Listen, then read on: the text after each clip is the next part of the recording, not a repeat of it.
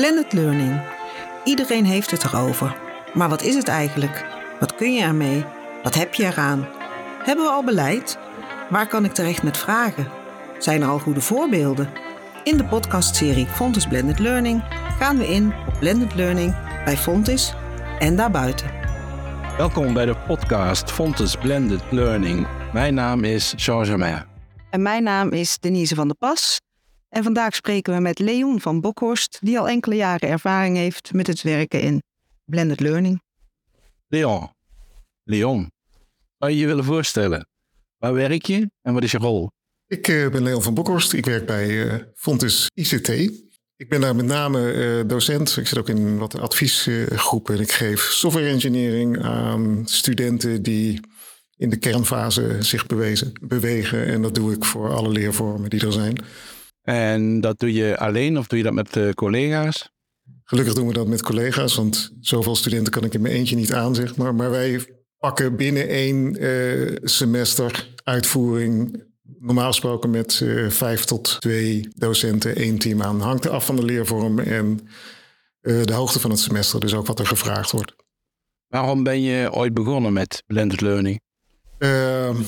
Nou het is iets wat je tegenkomt. Ik, de eerste keer dat ik blended learning ging doen, was ook gelijk het eerste semester dat ik, dat ik werkzaam was bij Onderwijs voor Professionals. Dan praat je dus over deeltijdonderwijs volwassenen. En daar is het gewoon standaard ingebakken, omdat twee avonden naar school gaan toch wel heel erg pittig leek voor deze studenten. Dat ze één avond online onderwijs kregen en één, één avond fysiek met ons aanwezig waren. En dan in een groep konden werken, dat soort zaken. Dus eigenlijk ben ik gelijk met Blended begonnen. Alleen op de dagschool was er toen nog geen sprake van Blended. En hoe ziet dat eruit? Wat blended? Uh, bij uh, OVP s'avonds was het een, een, gedeelte. Dus aan de ene kant heb je drie uur contactonderwijs per week en anderhalf uur uh, online les. En die online les die kon je vormgeven. Meestal met een, ja, wat ik daar meestal deed was een flipped classroom setting met wat quizzes. zorgen dat er in ieder geval voldoende interactie is, wat heel erg lastig is vorm te geven, zeg maar, bij een bij zo'n groep uh, die de hele dag gewerkt heeft. En die zijn wel aan een eindje, zeg maar, op een donderdagavond. Dus, dat, dus wat wij heel veel deden was activerend in de zin van goed, we gaan een quizje doen. En vooral een quizje doen met vragen die ze niet goed konden beantwoorden. Dus dan ontstaat er enorme paniek van, oh, snap ik dit niet? Mooi, dan heb ik je aandacht en dan kunnen we er een uurtje over bomen met z'n allen. Dat was een beetje de setting wat ik deed bij LVP toen de tijd. Ja. En je hebt het over toen de tijd, zo ben je begonnen, ja. begrijp ik. Maar inmiddels is jaar dat... geleden, nee, nee, vijf jaar geleden was dat. dat is breder uitgerold inmiddels. Kun je daar iets meer over vertellen, hoe dat dan nu gaat? Ja, corona heeft ons natuurlijk wel, die, dat zul je vaker horen in deze podcast waarschijnlijk, een soort aanzet gegeven om dat te doen. Ik herinner me nog dat we allemaal thuis gingen werken in uh, de eerste week. Ik denk na een dag of vijf waren wij weer up and running met z'n allen, omdat we toch al die, die machinerie in gang hadden gezet daarvoor. Uh, en toen zijn we eerst online les gaan geven. Traditioneel wat wij deden. Wij waren natuurlijk al geen zendclub. Dus in de zin uh, was het een heel erg feedbackgericht, uh, feedbackgerichte manier van werken. en dat ging in de eerste instantie niet zo heel erg goed. Wat je daar ziet is dat je enorme... De sociale cohesie mis je gewoon. En dat heb je nodig als je social constructivisme hebt... en je wil graag dat die studenten samen leren en leren leren, dan hoor je veel te weinig online om daar goed op te kunnen reageren en daar eigenlijk een beetje als een jazzmuzikant, hetgeen wat je hoort, om daarop te reageren. En dat, uh, daar hebben we wel last van gehad het eerste semester toen de tijd. Dus functioneel gingen we over, maar voordat de kwaliteit ook weer daar kwam wat ik zou verwachten van een uh, HBO-opleiding, dat heeft al een aantal semesters ge geduurd. En inmiddels, ja, er is geen COVID. Het is er wel, maar we reageren er anders op. Uh, ja, het zit gewoon in het onderwijs. Ik heb, als ik naar mijn semester drie klas kijk, die hebben één dag of twee dagen echt fysiek onderwijs. En ze hebben drie dagen, hebben ze in feite geen eens plaats meer op school. Dus dan moeten ze thuiswerken.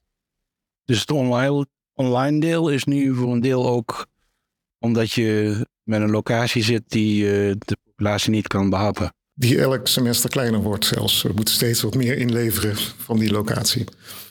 Dus er zijn ook Uh, een, bijvoorbeeld een ochtend moeten ze wel op school zijn. Nee, een dag moeten ze wel op school zijn waar zelfs geen zitplaats voor hen gereserveerd is. Dus dan kunnen ze overal zitten in het gebouw. En hoe reageren ze daarop? Hoe vinden ze dat? Niet heel erg blij. Uh, we krijgen mailtjes van mag ik de helft van mijn studiegeld terug? Dat soort uh, zaken. Dat is grappig om, om te zien. Aan de andere kant, ja, ik voel wel wat ze mee. Want ze hebben geen plek waar ze kunnen landen zo'n hele week. Dus ze worden naar huis verbannen min of meer. Waar ze toch andere afleidingen hebben. En dus dat sociaal constructivisme er is geen enkele mogelijkheid om dat te doen als ze overal en ergens zitten. Zeg maar. En hoe proberen jullie dat dan toch te faciliteren? Dat ze elkaar bijvoorbeeld ook online vinden, kunnen samenwerken? Ze kunnen al. Dit zijn technische jongens die, en, en, en meiden, zij weten elkaar goed te vinden. Gebruiken met name Discord om samen te werken. Dat moeten ze wel. En toch zien ze die dagen dat wij niet hebben ingepland voor hun als vrije dagen. Dus dat is iets waar we wel degelijk iets mee moeten. Uh, je ziet wel naarmate het semester voordat dat ze wat minder vrij worden die dagen, omdat ze ook al het eind zien naderen. Maar dus ze krijgen een grote mate van vrijheid daarin.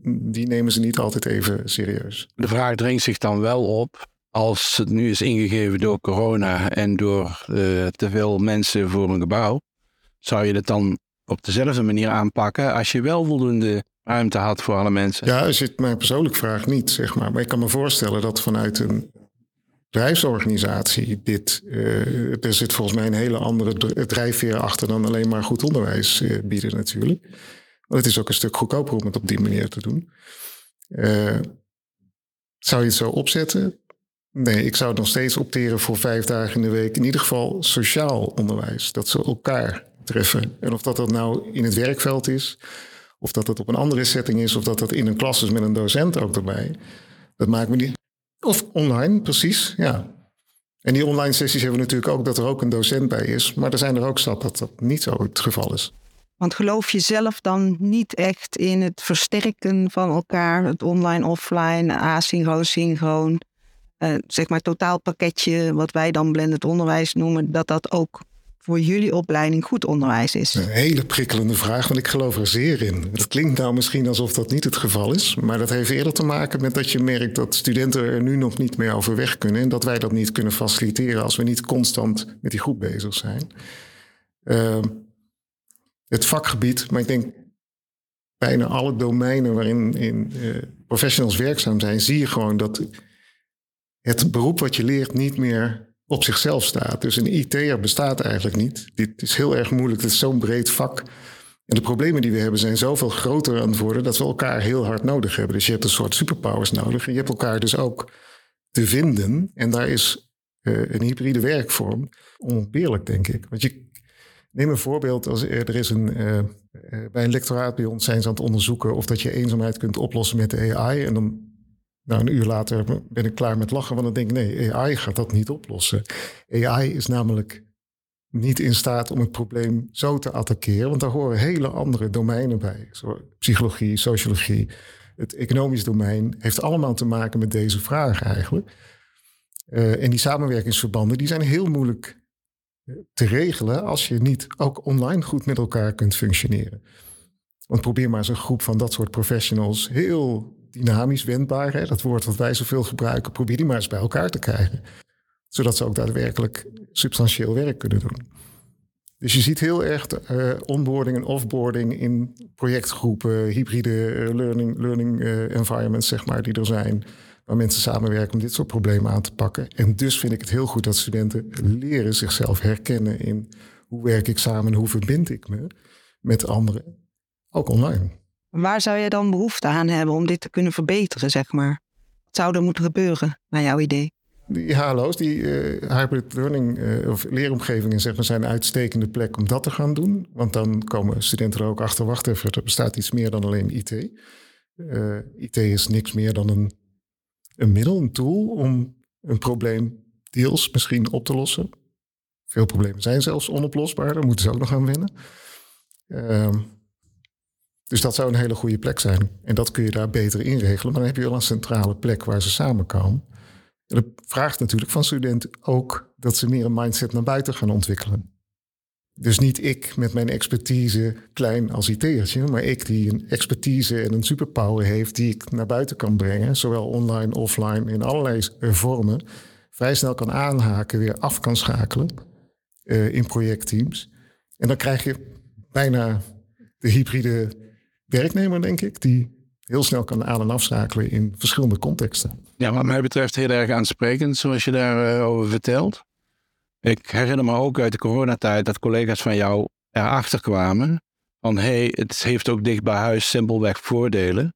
Namelijk, uh, we hoeven niet meer elk apart als docent met onze eigen groep een verhaal te vertellen, maar dat kan in één keer online. Uh, mensen die ook riepen van dat doen wij gewoon niet meer op de traditionele manier, want dat gaan we gewoon in het vervolg anders doen. Maar als ik jou dat aansprekende verhaal hoor vertellen, dan denk ik, ben je veel verder in ook waar je naartoe wil. Dan heb ik eigenlijk twee vragen die met elkaar te maken hebben. Het is, um, als je nou bedenkt, waar zou je naartoe willen de komende drie of vijf jaar? Hoe zou dat onderwijs zich moeten ontwikkelen? In welke richting? Dat is één. En in hoeverre wordt dat ook door studenten als de weg gezien? Want we merken ook wel eens dat we innovaties willen invoeren. En dat eigenlijk de studenten zijn die zeggen van ho ho, um, liever uh, traditioneel. Twee uitstekende, brede en ook wel best wel lastig om te, om te beantwoorden. Ik, ik heb wel een beeld over waar ik, waar ik zelf graag zou zien dat het onderwijs dat zou kunnen bieden, maar niet als enige zou kunnen bieden. En dat laatste zeg ik omdat wij ook een internationale kennisinstelling zijn. En we hebben dus gewoon te maken met de leerhistorie van mensen. Als jij gewend bent om op een, een, een cursusachtige wijze door, je, door het curriculum heen te stappen, dan moeten we dat in ieder geval zeker in het begin kunnen bieden. Uh, als ik kijk vanuit de andere kant, en dat is meer jouw eerste vraag.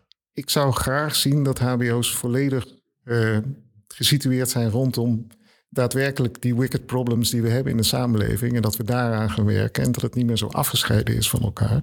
En dat studenten dus leren om samen te werken met mensen uit totaal andere disciplines. En ook met verschillende niveaus leren samenwerken. En dat vergt nogal wat van het gedrag van een student. Het gaat niet eens over ik ben een IT'er en ik kan goed code kloppen. Daar ga ik vanuit, want het wordt steeds makkelijker, kan ik je zeggen. Samenwerken wordt steeds lastiger. En daar is hybride uh, werken en het blended learning. Die termen hadden we het net al over, dus zijn best wel lastig om die uh, te duiden. Daar is dat een hele belangrijke manier om dat te leren met elkaar. Ja, en wat versta jij dan onder hybride, als jij het over hybride hebt? Ja, hybride, dan praten we inderdaad over, over uh, wat ik net aangeef, die samenleving ook compleet betrokken bij wat wij hier doen als kennisinstelling zijn. Maar is een kennisinstelling die naar buiten is gericht en daardoor hybride wordt.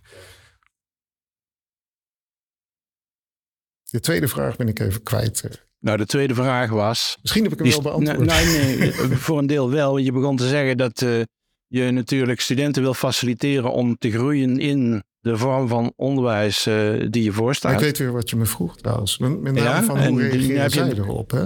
Ja. Want de, dus de, de studenten uit het buitenland, die we natuurlijk veel hebben. En die we ook graag naar binnen willen, willen halen en ook willen faciliteren. Uh, die hebben nog wat meer moeite met het idee te denken vanuit, wacht even, ik, ik moet me openstellen voor het oplossen van problemen daarbuiten. Ze hebben vaak het idee, ik kom hier om een expert te ontmoeten die mij kan helpen uh, de kennis op te doen en diploma. En dan kan ik mijn, mijn waarde gaan toevoegen in die wereld daarbuiten. Uh, studenten zullen dat niet van zichzelf hebben, ook niet de, de, de Nederlandstalige studenten.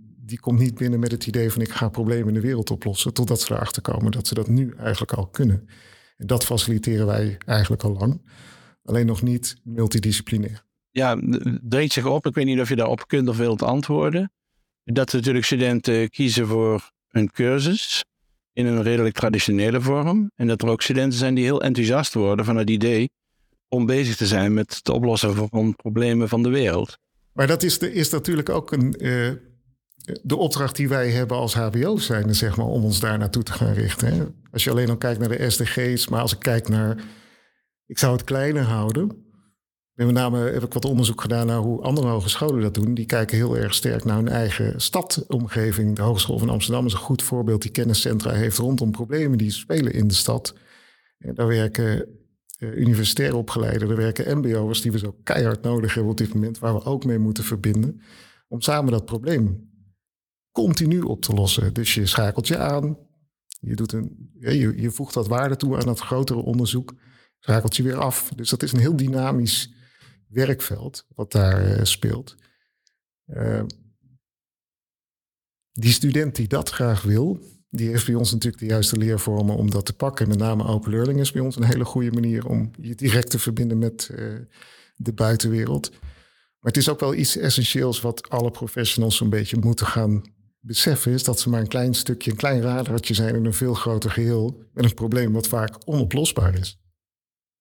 Noem uh, de energietransitie. Ben jij dan roepende in de woestijn? Of heb je veel medestanders? Als je dit toch uh, diepe verhaal uh, laat horen. Sorry dat het zo diep is. Wij zijn hier eigenlijk constant mee bezig. En ik zeg al gelijk wij.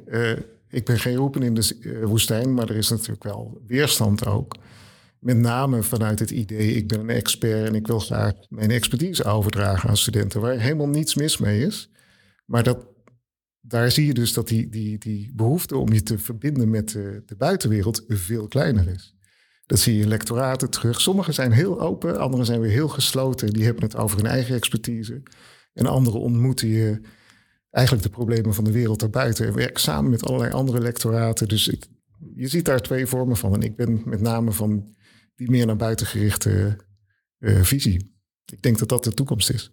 En probeer je anderen daar wel in mee te nemen, die daar misschien iets minder bezig mee zijn? dat is een gewetensvraag. Want we zijn nu ook een uh, advies aan het uitbrengen aan ons, uh, ons managementteam om daar meer mee aan de slag te gaan. Maar het is een heel, hele moeilijke weg om, die, ja, om dat, dat duidelijk te maken. Simpelweg omdat er ook een idee is over hoe onderwijs moet zijn. En onderwijsinnovatie, daar weet Jean zeker alles vanaf.